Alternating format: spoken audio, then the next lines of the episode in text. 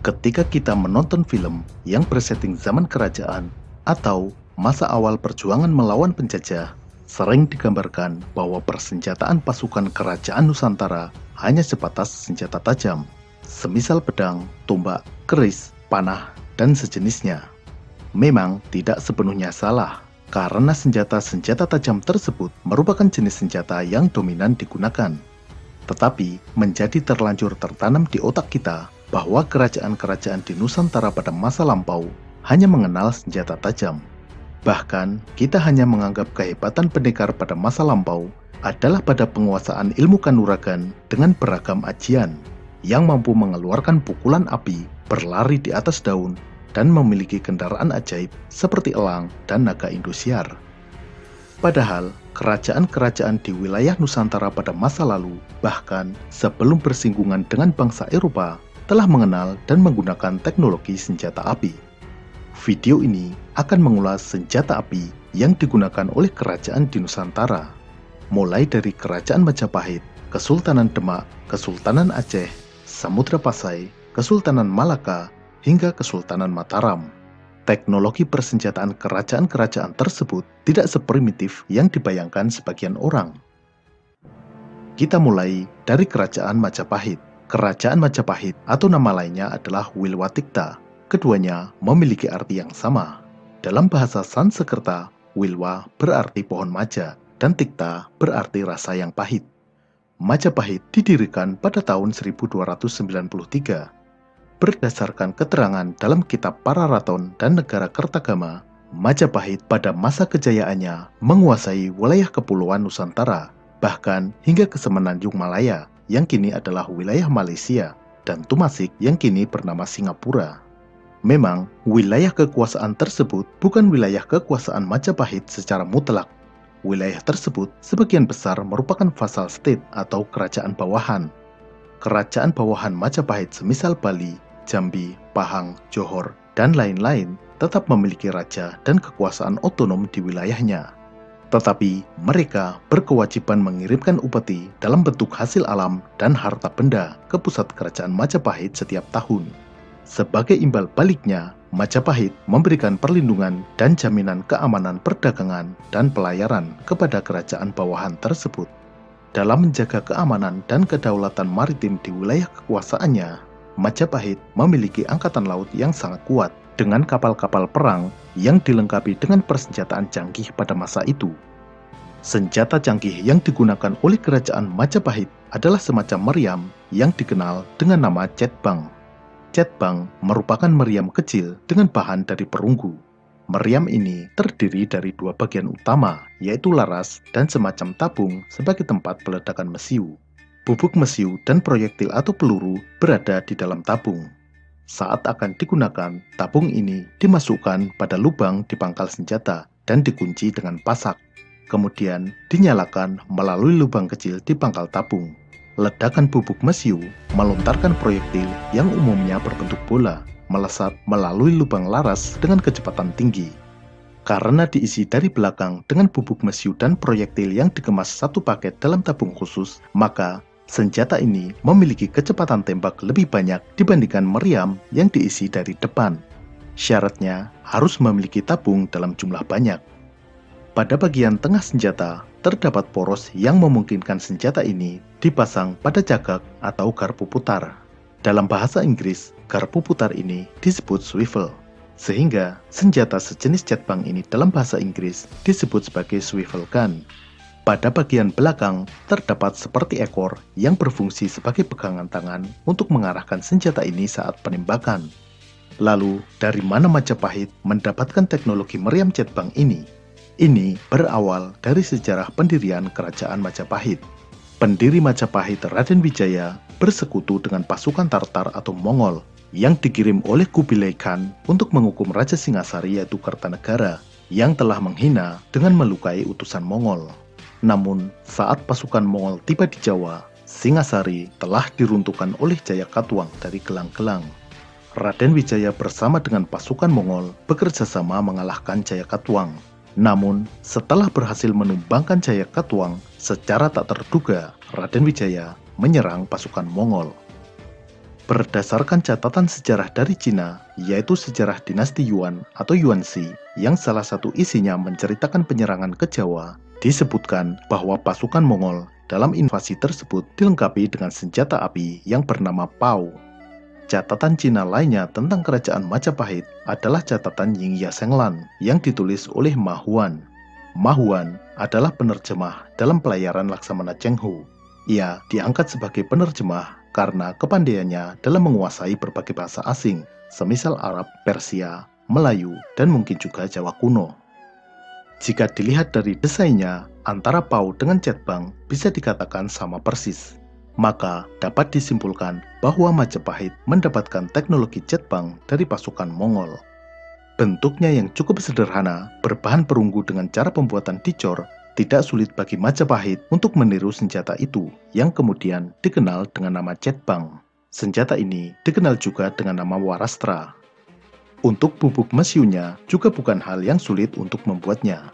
Bahan mesiu adalah belerang, arang, dan potasium nitrat yang di Jawa dikenal dengan nama sendawa. Arang sangat mudah dibuat, belerang juga sangat melimpah di Jawa yang banyak terdapat gunung api aktif potasium nitrat atau sendawa diolah dari guano, yaitu endapan kotoran kelelawar di gua-gua yang digunakan sebagai sarang kelelawar. Jika tidak ada guano, sendawa juga bisa didapat dengan mengolah air kencing kuda. Berdasarkan prasasti Sekar, disebutkan bahwa pusat pengecoran Cetbang Majapahit berada di Rajakwesi, Bojonegoro, dan pusat pembuatan bubuk mesiunya berada di Suatantara Biluluk, yang sekarang adalah Kabupaten Lamongan. Senjata Jepang digunakan sebagai senjata utama pada kapal-kapal perang kerajaan Majapahit. Pada masa keemasannya, Majapahit memiliki kekuatan maritim yang sangat kuat yang dipimpin oleh laksamana laut yang bernama Empu Nala. Nama Empu Nala tertulis di kitab dan prasasti peninggalan Majapahit, misalnya Kitab Negara Kertagama dan beberapa prasasti, di antaranya Prasasti Sekar dan Prasasti Batur. Meskipun kejayaan Majapahit telah berlalu lebih dari 500 tahun, namun masih ada beberapa cetbang yang masih tersisa hingga saat ini. Cetbang peninggalan masa Majapahit tersebar di banyak tempat. Di Metropolitan Museum di New York, Amerika, tersimpan cetbang dengan lambang Surya Majapahit. Beberapa cetbang dari masa Majapahit ditemukan di beberapa tempat di Kepulauan Nusantara, Semenanjung Malaya, dan Filipina. Sekarang, peninggalan tersebut tersimpan di berbagai museum baik di Indonesia, Malaysia, dan Filipina. Di Kabupaten Musirawas Utara terdapat peninggalan Cetbang, namun Cetbang ini merupakan peninggalan tokoh Depati Kurus dari masa Mataram Islam. Cetbang dalam jumlah yang cukup banyak masih tersimpan di Museum Talaga Manggung di Majalengka, Jawa Barat. Cetbang ini merupakan peninggalan kerajaan Talaga Manggung yang sezaman dengan Majapahit. Selain jumlahnya relatif banyak, kondisi Jetbang ini juga dalam kondisi baik. Ini karena secara rutin dirawat dan dibersihkan dalam proses penjamasan. Sepeninggal Prabu Hayam Wuruk, Majapahit dilanda perang saudara berkepanjangan yang dikenal dengan nama Perang Parekrek. Perang saudara ini melemahkan Majapahit yang berakibat banyak kerajaan bawahan melepaskan diri. Dengan melemahnya Majapahit, kebutuhan akan senjata ini berkurang drastis. Hal ini membuat para pembuat jetbang bermigrasi ke kerajaan-kerajaan di seberang yang sedang berkembang. Selain di pusat kerajaan Majapahit di Jawa, teknologi jetbang juga menyebar ke wilayah kerajaan Nusantara di wilayah Sumatera, Semenanjung Malaya, Kalimantan, Sulawesi, dan Maluku. Kerajaan-kerajaan di wilayah tersebut sebagian besar sudah memeluk agama Islam Jetbang juga menjadi perlengkapan kapal-kapal dagang dan digunakan untuk menghadapi perompak dan bajak laut. Di Kerajaan Melayu, teknologi senjata api juga semakin berkembang. Hal ini terutama karena Selat Malaka merupakan jalur pelayaran utama yang menghubungkan wilayah Cina dan Asia Tenggara dengan wilayah India, Arab, Afrika, termasuk dengan Eropa. Interaksi melalui kegiatan perdagangan juga berimbas diserapnya teknologi persenjataan. Pada masa itu, selain senjata berbentuk meriam, di wilayah Nusantara juga sudah menggunakan senjata api yang berbentuk senapan. Pengaruh ini di antaranya dari kerajaan India dan Tamil. Senapan di Jawa disebut sebagai bedil. Di beberapa daerah lain disebut sebagai badia atau badili. Kata bedil, badia atau badili adalah bahasa serapan dari bahasa Tamil yaitu wedil atau wadial. Selain melalui interaksi perdagangan, teknologi senjata di Nusantara juga berkembang pesat dengan bantuan langsung dari salah satu imperium pada masa itu, yaitu Kekhalifahan Utsmaniyah yang berada di Turki. Kekhalifahan Utsmaniyah sering disebut juga sebagai Kesultanan Turki Utsmani atau di barat dikenal dengan nama Ottoman Empire memiliki kedudukan penting bagi kerajaan-kerajaan Islam di Nusantara. Meskipun bukan secara resmi sebagai negara vasal atau negara bawahan yang wajib memberikan upeti, tetapi kerajaan Islam di Nusantara mengakui Turki Utsmani sebagai suatu daulah yang menaungi wilayah muslim. Dalam hikayat Melayu disebutkan cerita tentang Laksamana Hang Tuah yang pergi ke negeri Rum untuk mendapatkan meriam. Di Jawa, Sultan dinasti Utsmani juga memiliki kedudukan penting dan dalam babat Jawa disebut sebagai Sultan Ngerum. Rum atau Ngerum merujuk pada wilayah Bizantium atau Romawi Timur yang telah dikuasai oleh Utsmani dan dijadikan sebagai ibu kota. Gelar yang diberikan oleh Turki Utsmani merupakan salah satu legitimasi yang digunakan oleh raja-raja di Nusantara untuk memperkokoh kekuasaannya dan sudah sah menggunakan gelar sultan. Contohnya adalah Sultan Agung dari Mataram. Melalui perwakilan Utsmani yaitu Sarif Mekah, pada tahun 1641, Sultan Agung mendapatkan gelar dari penguasa Utsmani pada waktu itu, yaitu Sultan Murad keempat. Gelar tersebut adalah Sultan Abdullah Muhammad Maulana Matarami. Selain gelar, Sultan Agung juga mendapat tutup kepala tarbusi dan air zam-zam yang dikirim dalam wadah guci besar atau gentong. Zaman dulu belum ada galon isi ulang. Gentong tersebut kemudian diberi nama Enceh Kiai Mendung dan masih ada hingga saat ini. Hubungan emosional kerajaan Jawa dengan Utsmani tetap berlanjut, bahkan ketika kerajaan di Jawa sudah berada dalam kontrol Belanda. Ini dapat dilihat dari lambang Pakubuwono yang dibuat pada tahun 1792. Lambang ini sangat mirip dengan lambang Turki Utsmani. Meskipun sekarang lambang Pakubuwono diganti dengan lambang yang lebih sederhana, yang dikenal dengan nama Sri Radia Laksana, namun masih menyisakan elemen bulan sabit. Pangeran Mangkubumi yang dalam perlawanannya menimbulkan kerugian besar pada VOC, pada akhirnya berhasil dibujuk untuk menghentikan perang melalui seorang Arab bernama Syekh Ibrahim yang mengaku utusan Turki Utsmani. Melalui perjanjian Kianti, Kesultanan Mataram dibagi dua, dan Pangeran Mangkubumi menjadi Sultan Hamengkubuwono pertama. Di kemudian hari, Cicit dari Hamengkubuwono pertama mengubarkan perang yang menjadi perang terbesar yang dialami oleh Belanda di Nusantara. Perang yang hampir menguras habis keuangan Belanda. Dia adalah Diponegoro. Meskipun tidak ada bukti keterlibatan langsung Turki Utsmani dalam perang Diponegoro, namun pengaruh budaya Turki cukup terlihat dalam laskar Diponegoro. Pangeran Diponegoro menggunakan istilah-istilah yang digunakan dalam pasukan Janisari, yaitu pasukan infanteri Utsmaniyah. Bahkan dari segi pakaian, seperti bisa dilihat dalam lukisan penangkapan Diponegoro yang dilukis oleh pelukis Belanda Nicholas Bineman, terlihat Pangeran Diponegoro dan pengawalnya menggunakan rompi bergaya Turki.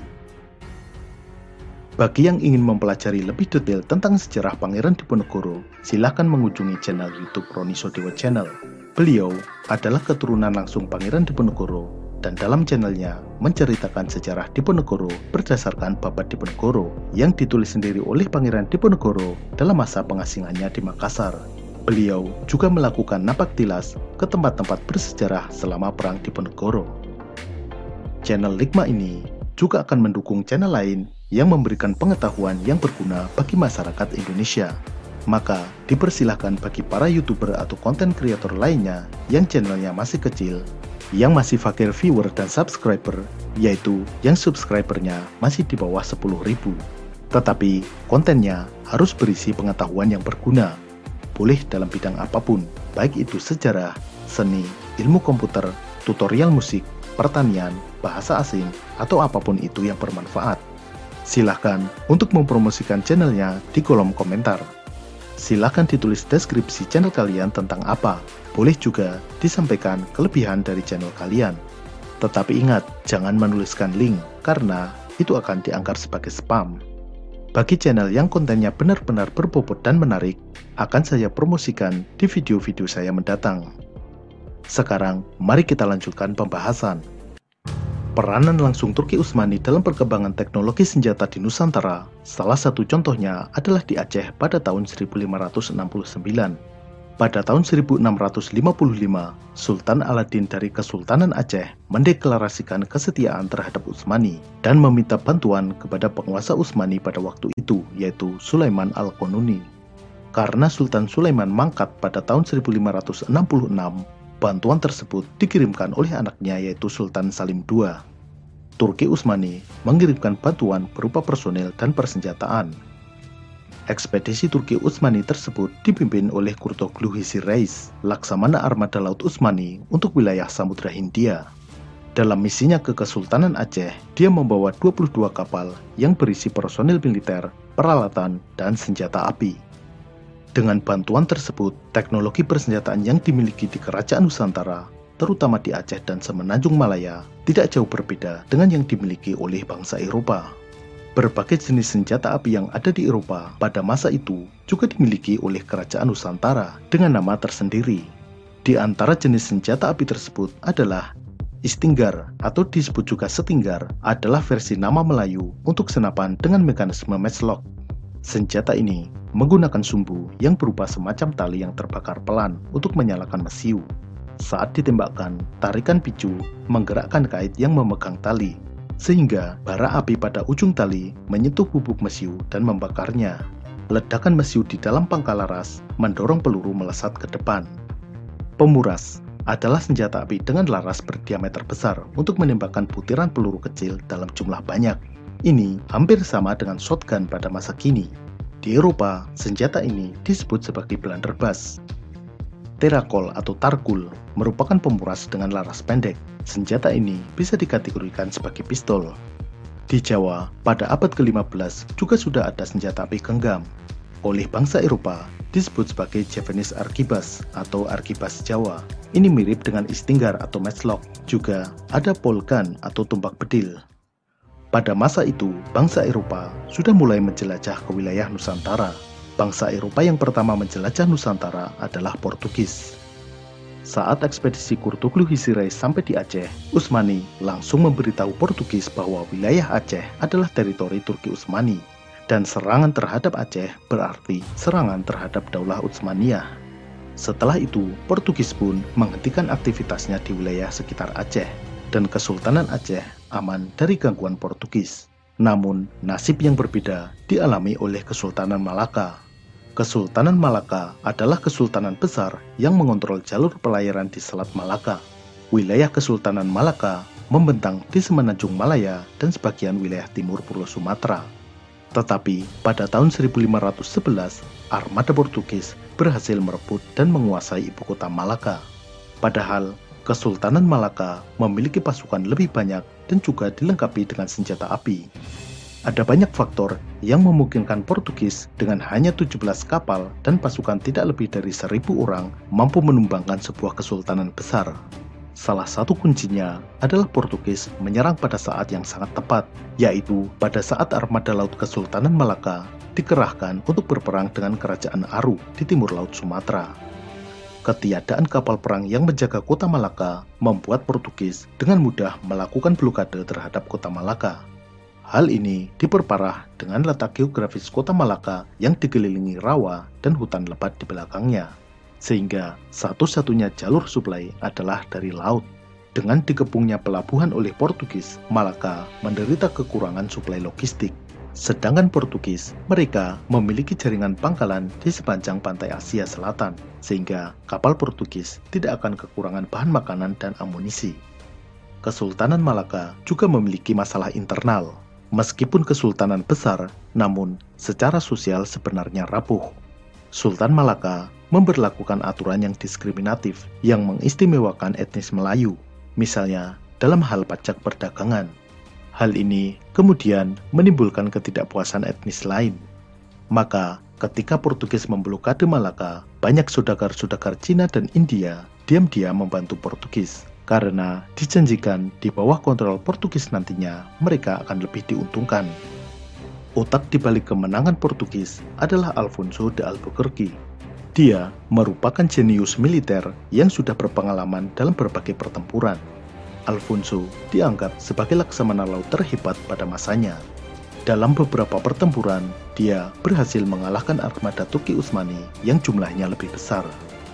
Pada waktu mendaratkan pasukan ke daratan Malaka, Alfonso de Albuquerque kembali menunjukkan kepiawaiannya dalam strategi militer pasukan Portugis memang sudah memiliki keunggulan dari segi perlengkapan tempur berupa baju zirah dan helm pelindung, juga senapan yang lebih baik dibandingkan senapan pasukan Malaka.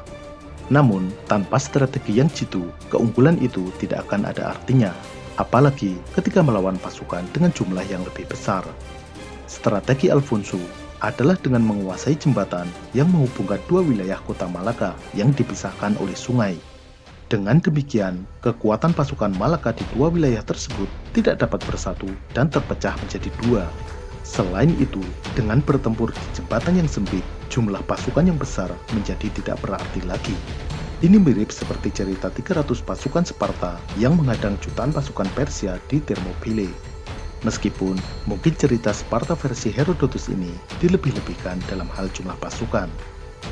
Di laut, kapal-kapal Portugis terus memberikan bantuan tembakan dengan menghujani pasukan Malaka yang mendekat. Setelah pengepungan sekitar satu setengah bulan dan pertempuran yang sengit berhari-hari, pada tanggal 25 Agustus 1511, Portugis berhasil mengambil alih kota. Kota Malaka jatuh ke tangan Portugis. Setelah menguasai kota Malaka, Portugis mengumpulkan persenjataan yang digunakan oleh Kesultanan Malaka.